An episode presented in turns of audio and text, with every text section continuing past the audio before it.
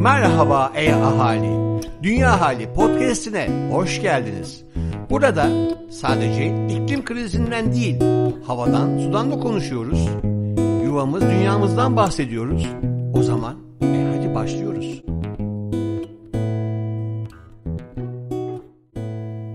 Merhaba Dünya Hali.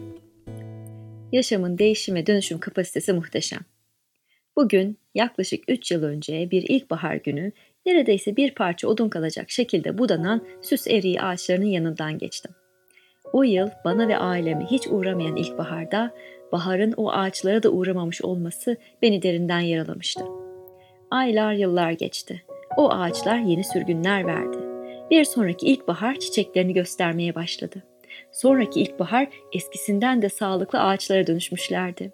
Yaşamın her şeye rağmen olma ve rejenerasyon yeteneği mükemmeldi. Keşke biz de elimizde bir sihirli değnekle doğaya verdiğimiz her tahribatı erik ağaçlarının tekrar yaşama dönmesi gibi düzeltebilsek. Düşünsenize mesela doğada yok olmayan plastikler çiçeğe, balığa, ağaca, sincaplara dönüşmüş.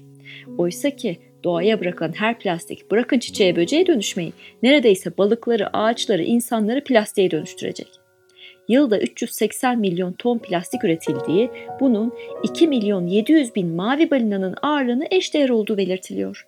Bu plastiklerin büyük bir kısmının kaderi de çöp okyanusuna karışmak oluyor.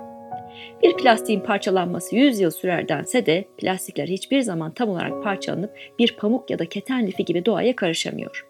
Üretilen tüm plastik madde öyle ya da böyle bir şekilde ekosistemde kalmaya devam ediyor. Geri dönüşüm de bir çözüm olarak gözükmüyor. Birçok plastik gıda veya başka maddelerle kirlenmiş oluyor, dönüşüm zahmetli ve yeniden enerji gerektiriyor. 2016 yılında üretilen plastiğin sadece %16'sının geri dönüştürüldüğü söyleniyor. Üstelik de plastik çiçeğe böceğe değil gene başka bir plastik ürüne dönüştürülüyor. Maalesef kullanıp attığımız plastikler ve kullandığımız sentetik ürünlerden biz farkında bile olmadan doğaya karışan plastik parçaları mikroplastikler dediğimiz şekillere bürünüp yaşamımıza geri karışıyorlar. Bilimsel olarak 5 milimetreden daha küçük plastik parçaları olarak tanımlanan mikroplastikler parçalanan daha büyük plastik kalıntılarından ya da eksfolyatif olarak çeşitli kozmetik ürünlerine, temizleyicilere ve diş macunlarına eklenen mikro boncuklardan kaynaklanabilir. Sentetik giyeceklerin yıkanması ya da bir otomobil lastiğinin yolda giderken yıpranması sırasında suya havaya karışabilir. Plastik şişeden içtiğiniz suyun, yemeğinize ektiğiniz deniz tuzunun, yediğiniz yumurta ve balığın poşet ile demlediğiniz çayın içinde bulunabilir.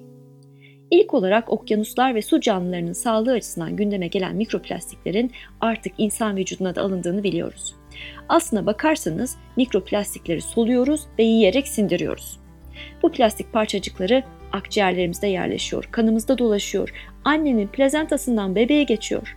PET şişe olarak nitelendirdiğimiz içecek şişelerinin isminin geldiği polietilen tereftalat, PET ve polipropilen vücudumuzda en sık saptanan plastik çeşitleri. Vücudumuza aldığımız bu mikroplastik parçalarının nelere yol açacağını ise henüz tam olarak bilmiyoruz. Bu parçaların vücut tarafından yabancı cisimler olarak algılanıp bir yangısal yanıt oluşturduğu belirtiliyor elimizdeki sınırlı veriler bile inflamatör hastalıklar, solunum yolu hastalıkları, kalp damar hastalıkları ve kanser ile ilişkili olabileceğini gösteriyor. Daha da kötüsü bu minnacık plastik parçaları başka toksinler ve kimyasal maddelerin vücuda ve dokulara girmesi için de taşıyıcı görevi görüyor. Akıllardaki esas sorulardan biri de mikroplastiklerin beyne geçip geçmediği.